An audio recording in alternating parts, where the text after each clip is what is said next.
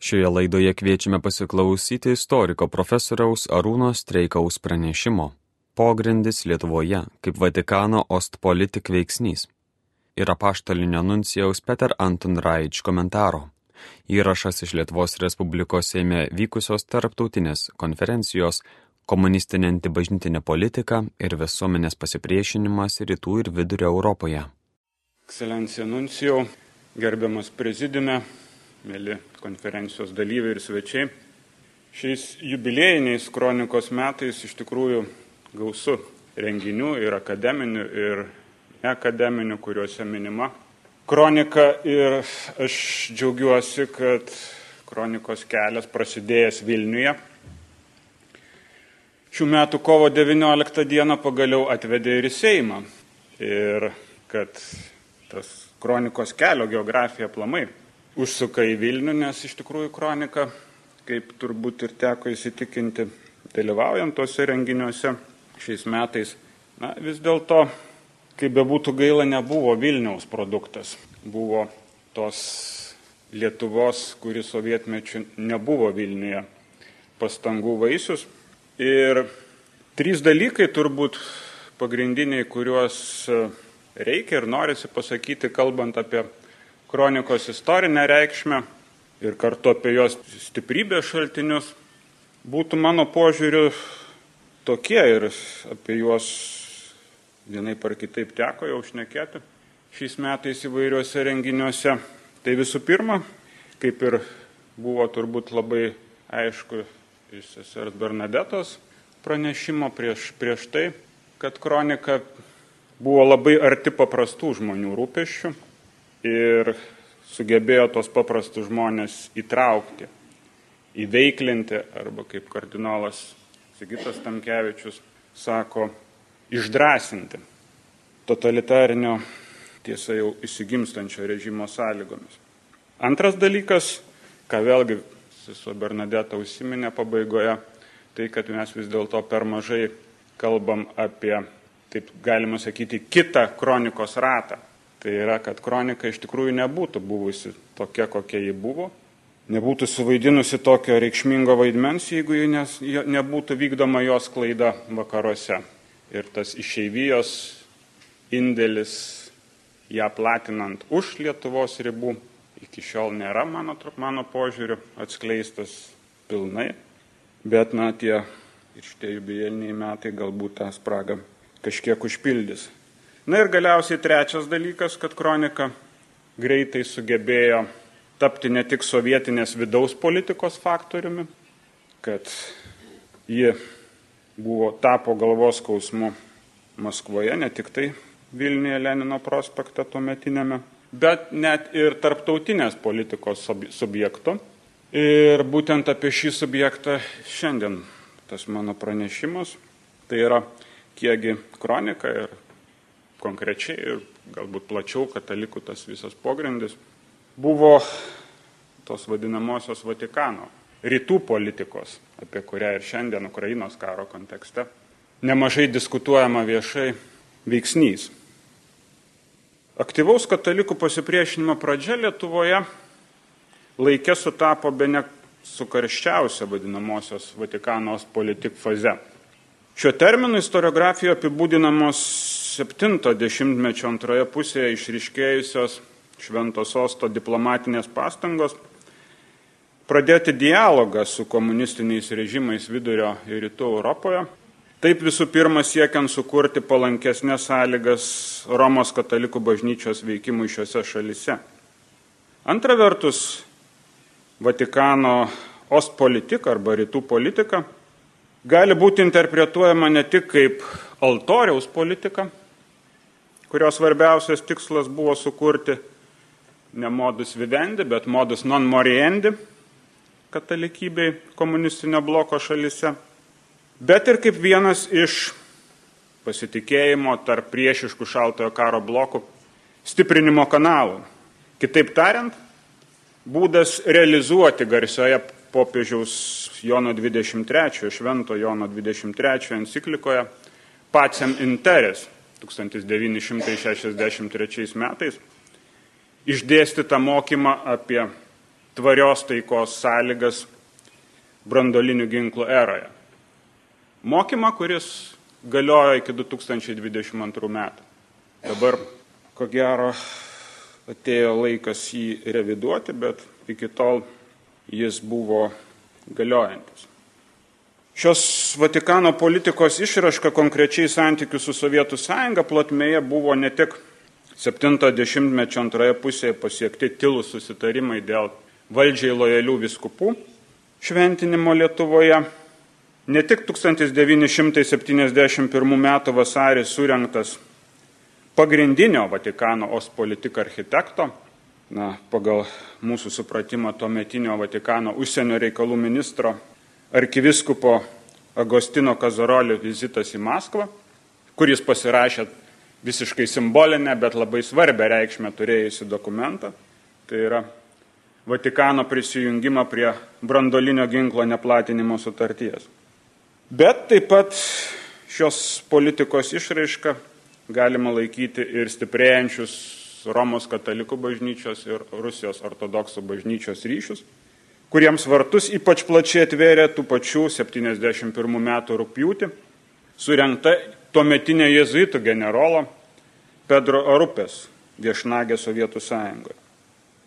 Tačiau santykių tarp Kremliaus ir Vatikano klimatą 80-ame dešimtmetyje lėmė ne vien, ne vien dešimtmečio pradžioje pasikeitę šaltojo karo pobūdis ir išaugę taikios koegzistencijos lūkesčiai, bet ir turbūt nemažiau atsiradęs naujas žaidėjas šių santykių laukia.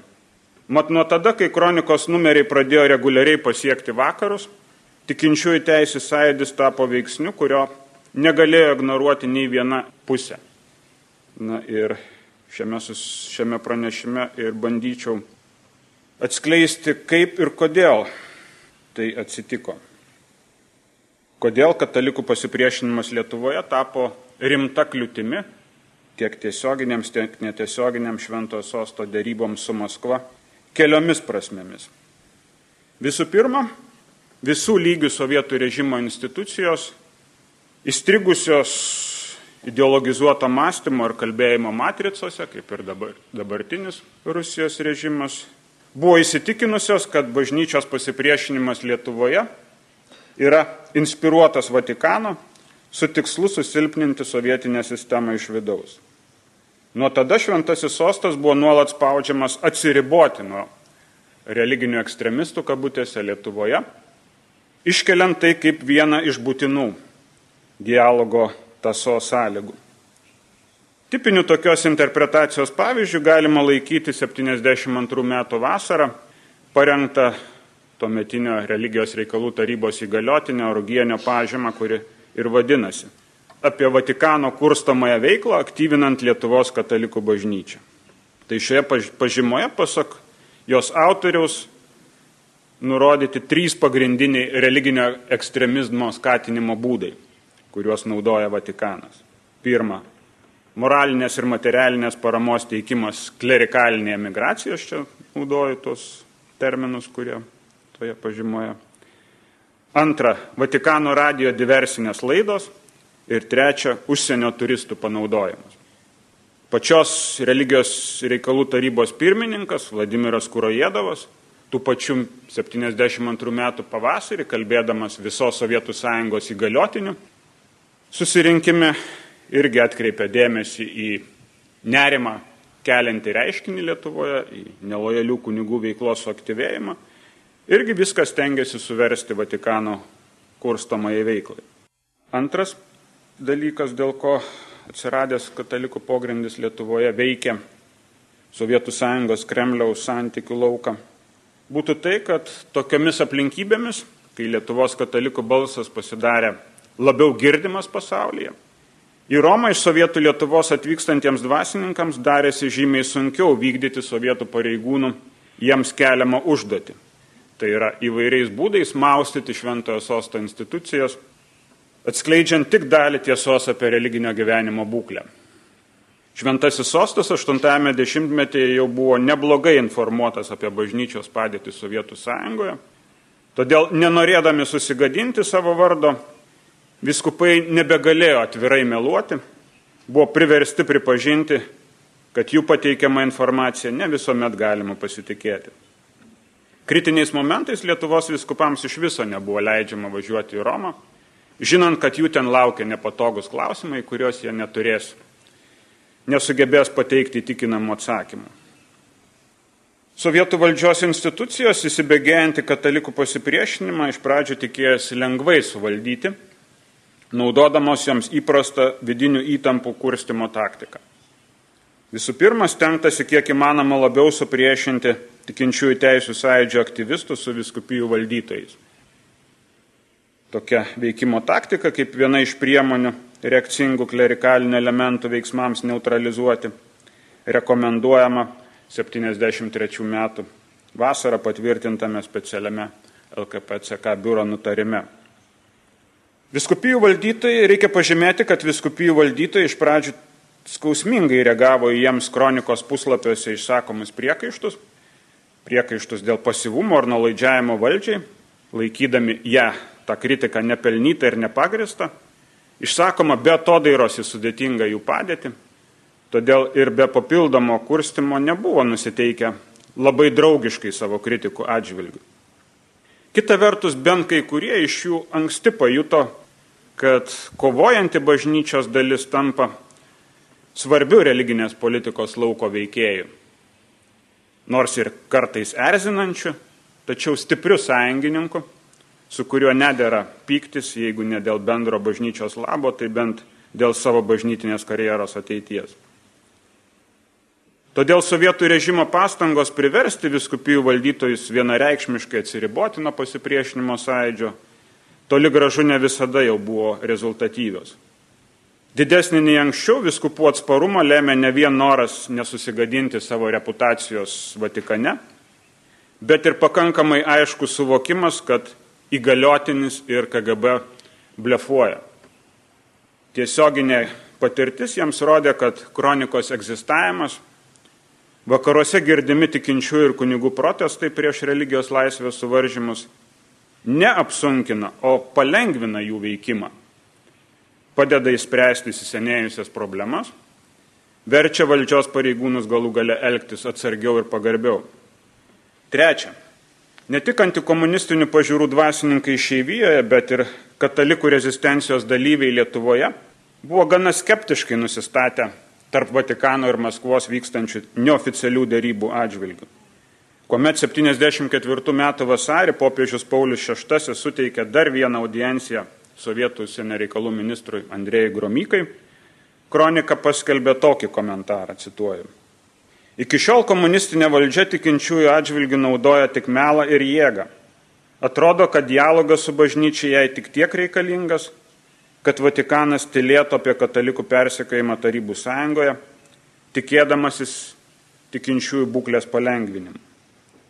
Dialogas turi pasitarnauti pasaulio viešosios opinijos suklaidinimui, ne va Tarybų sąjungoje esanti religijos laisvė. Citatos pabaiga.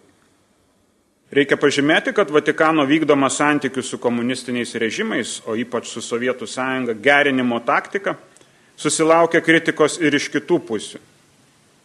Pavyzdžiui, Lenkijos primas, kardinolas Štefanas Višinskis, 73 metų pabaigoje viešėdamas Romoje įtikinėjo arkivyskupą Kazarolį ir patį popiežių, kad veiksmingiausias tylos bažnyčios gynimo įrankis yra ne diplomatų rekomenduojama tyla, o garsus kalbėjimas apie varžomą žmogaus teisės. Kritikavo Vatikano politiką ir Rusijos disidentai emigravę į vakarus. Štai Kazarolį biurą 75 metų pavasarį pasiekė rusų rašytojo ir žurnalisto, e, publicisto žymaus krikščioniškos rovės disidentinio sąidžio dalyvio Anatolijaus Levitino Krasnovo laiškas, parašytas po jų dviejų susitikimo įvykusio Licernoje 75 metų kovo, kur Levitinas gyveno po to, kai buvo priverstas emigruoti iš Sovietų sąjungos. Tai laiško autorius čia irgi labai kritiškai atsiliepia apie Vatikano vykdomą konkordatų su nedemokratiniais režimais politiką. Pasak jo, bandymai susitarti su sovietų valdžia pastarosios vertinami kaip, kaip Vatikano silpnumas. Ir laiško autorius ragino dėrėtis tik tada, kai sovietų valdžia bent minimaliai užtikrins religijos sklaidos laisvę ir liausis terrorizavusi žmonės. Reikia pasakyti, kad stiprėjantis iš visų pusių stiprėjantis kritiškumas Vatikano rytų politikos modus operandi atžvilgių Šventojo sosto diplomatijai buvo iš dalies ne tik tai tam tikras šaltas dušas, bet ir iš dalies naudingas. Kita prasme, nes galėjo būti ir buvo panaudojamas kaip dėrybų su sovietais argumentas.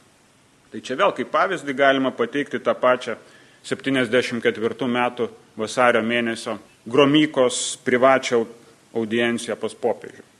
Jos metu jam buvo įteikta dar viena atmintinė, tvarkingai surašyta, apie neįspręstas Romos katalikų bažnyčios problemas Sovietų sąjungoje, kurioje pažymimas tolesnis šventojo sosto noras vystyti santykius su Sovietų sąjunga siekiant pasaulyje taikos, tačiau kartu atkreipiamas dėmesys į tai, kad tokia šventojo sosto laikysena susilaukia tam tikros kritikos.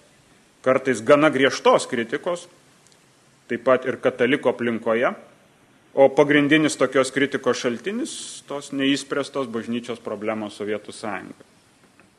Baigiant šią atmintinę pareikšta, kad netgi nepaisant šios kritikos, nepaisant šitos kritinio spaudimo, šventasis sostas jaučias pareigą, čia jau cituoju, draugiškai, bet atvirai paprašyti tarybinės vyriausybės, kuri nekarta gerai įvertino šventojo sosto veiksmus taikos labui, kad ji taip pat peržiūrėtų katalikų bažnyčios padėtį Sovietų sąjungos teritorijoje ir palankiai spręstų jos problemas. Citatos pabaiga. Po metų, 75 metų birželio pabaigoje, vykusio dar vieno popiežiaus Pauliaus VI susitikimo su Gromyka išvakarėse, popiežiui vėl parengta pažyma, kurios pabaigoje jau prabylama šventojo sosto kritikų žodžiais. Čia teigiama dar, dar viena citata.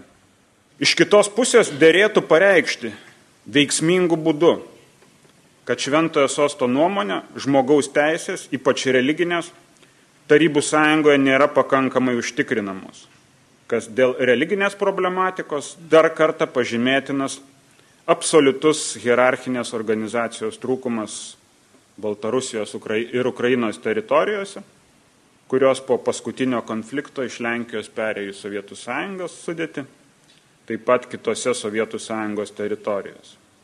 Taigi, kaip matome iš šitų cituotų dokumentų, Vatikanas jau dėrybose, tose susitikimuose su sovietų režimo pareigūnais pradeda naudoti tą kozerį, kad mes nu, tiesiog nebegalim daugiau kalbėtis, jeigu jūs ne, nesprendžiat bažnyčios reikalų, nes mes irgi susilaukiam kritikos iš, iš įvairių pusių. Taigi apibendrinant galima pasakyti, kad naujo žaidėjo pasirodymas Sovietų Sąjungos Vatikano santykių partijoje padarė nevienareikšmišką poveikį kitų žaidėjų elgesiui. Viena vertus tai gerokai apribojo pagrindinį oponentų manevro laisvę. Kaip minėjau, paskelbusi Vatikaną atsakingų už katalikiškojo pasipriešinimo sukurstimą, Maskva savotiškai save įvarė į kampą, kaip dažnai jai būna, reikalaudama, kad šventasis sostas padarytų neįmanomą dalyką. Tai yra ne tik aiškiai atsiribotų nuo vienos bažnyčios dalies, bet ir kažkaip sustabdytų protestus, nu, kurių jis tiesiog negali, kurių jis nevaldo ir kurie nepriklauso nuo jo valios.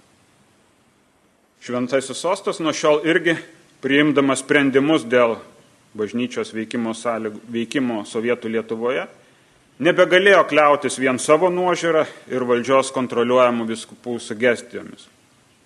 Pasak kardinolo Audriaus Juozo Bačkio, kuris tuo metu dirbo Vatikane.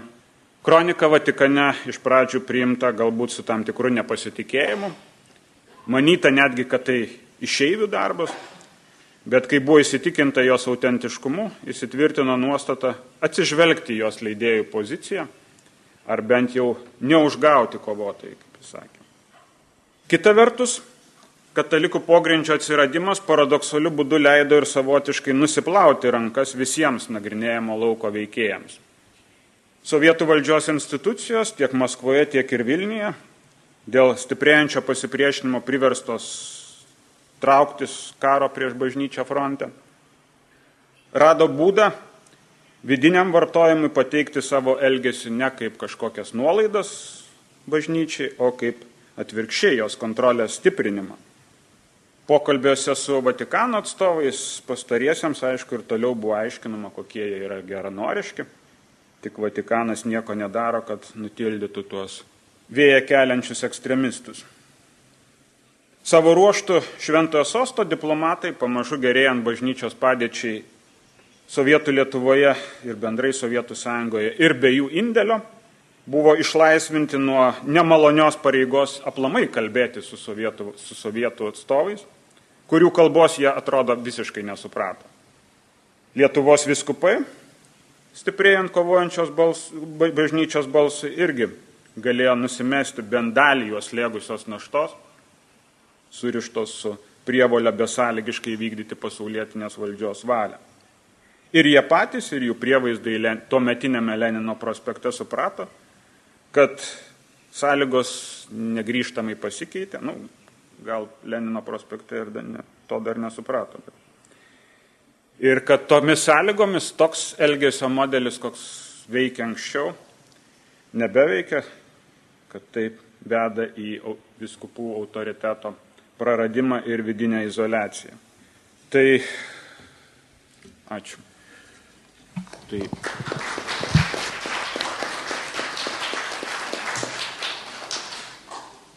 Ačiū labai, man pačiam baisiai maga Arūno paklausti tokio klausimo. Os politika mums nepatinka, taip žvelgiant iš, iš mūsų pozicijų, bet aš dabar, vat, klausydamas, pradėjau galvoti, apie alternatyvas, nu, ta prasme, apie aktyvę konfrontacinę, tarsim, politiką, kokį nors ten, e, ar tai būtų kažką pakeitus, va tai va ilgainių perspektyvų, ar, ar kažkokia tai, sakysime, kitokia Vatikano laikysena galėjo pakeisti Lietuvos tikinčiųjų padėti čia, ar pagerinti, ar dar kažkaip. Tų tokių žaidimų, kas būtų buvę, jeigu būtų buvę. Bet, na, iš tikrųjų, tai tiesiog Vatikanas e, elgesi pagal, pagal nusistovėjusi ir tokio elgesio modelį ir pagal, na, galbūt sakyt, sakyčiau taip, remdamasi savo institucinę patirtimį santykių su totalitariniais režimais. Ir eilinį kartą bandydamas, e, bandydamas na, kaip čia pasakyti, kalbėtis su, su, žmonėmis, kurių kalba yra visiškai kita, ne, negu jų ir bandyti kažkaip tokiu būdu, nes kitokio nelabai ne, ne, ne turėta. Ir man atrodo, čia gal, aišku, čia tam reikėtų atskiro pranešimo ir atskiros paskaitos, bet, na, visada žiūrėdami į Vatikano santyki su vienu ar kitu totalitariniu režimu ar autoritariniu režimu, turėti omenyje platesnį kontekstą, kuriame ta politika vykdoma, tai ir, ir šiandien, ir, ir tą kartą, ir tuo metu, o aš užsiminiau apie tą encikliką pačią minterį, iš tikrųjų tai buvo labai kompleksinis uždavinys ir ta ospolitik turėjo toli gražu ne vien tik tai kažkokį konkretų tikslą pagerinti bažnyčios sąlygas vienoje ar kitoje šalyje. Tas, na, būtent iš tikrųjų pas, pasaulinės taikos šaltojo karo sąlygomis, kai abi pusės turi pakankamai brandolinio ginklo viena kitą sunaikinti, Vatikane buvo suvokiamas kaip nu, toks prioritetinis svarbiausias uždavinys ir kad tie pokalbiai su komunistiniais režimais, jie tai yra tik vienas iš įrankių siekti, siekti platesnio tikslo.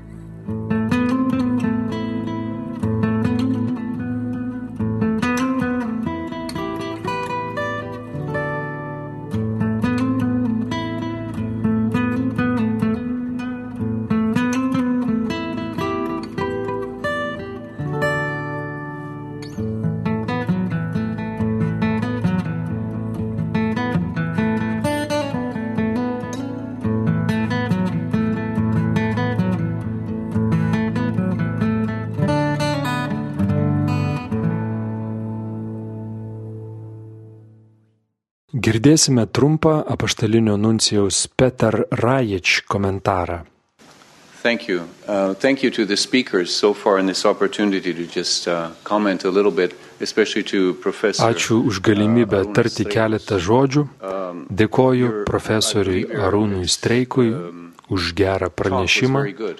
Visapusišką to meto situacijos pristatymą, sunkumus, su kuriais tuo metu susidūrė Vatikanas, bandydamas pasiekti kažkokius susitarimus, norint išsaugoti tai, kas galėjo būti išsaugota, kalbant apie bažnyčios padėtį rytų Europoje, kraštuose, kurie atsidūrė komunizmo santvarkoje.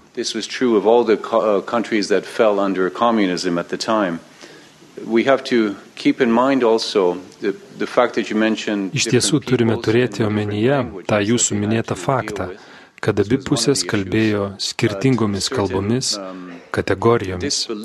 Iš pradžių tam tikra prasme buvo sunku patikėti, kad galėjo vykti tokio lygio persekiojimai.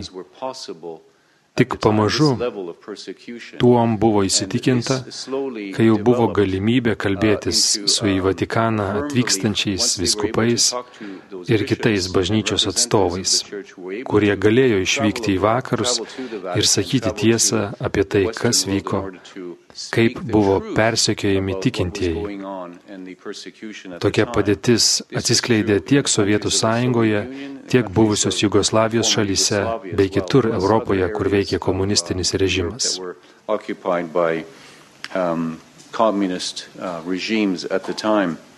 So I wish to thank you, Professor, for this uh. Taigi dar kartą dėkoju profesoriu už gerą pranešimą. Tikiu, kad tuo metu. Vatikanas darė tai, ką galėjo. uh, Žinoma, ne viskas uh, buvo tobula. Tuo pat uh, metu vyko ir mokymosi procesas.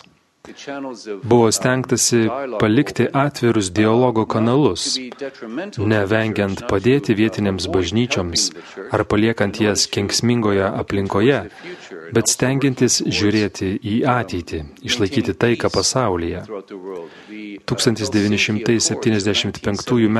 Helsinkio susitarimai buvo svarbus momentas žmogaus teisų klausimų pasauliniu mastu. Atvirumas dialogui davė tam tikrų vaisių, nors tai iš tiesų ne visada buvo tobula ar naudinga vietos bažnyčioms. Taigi dar kartą dėkoju už pranešimą bei galimybę tarti keletą žodžių. Šioje laidoje klausėmės istoriko profesoriaus Arūno Streikaus pranešimo Pogrindis Lietuvoje kaip Vatikano ostpolitik veiksnys ir apaštalinio nuncijaus Peter Anton Rajič komentaro.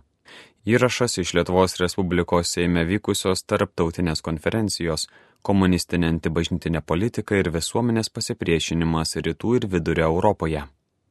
Likite su Marijos radiju.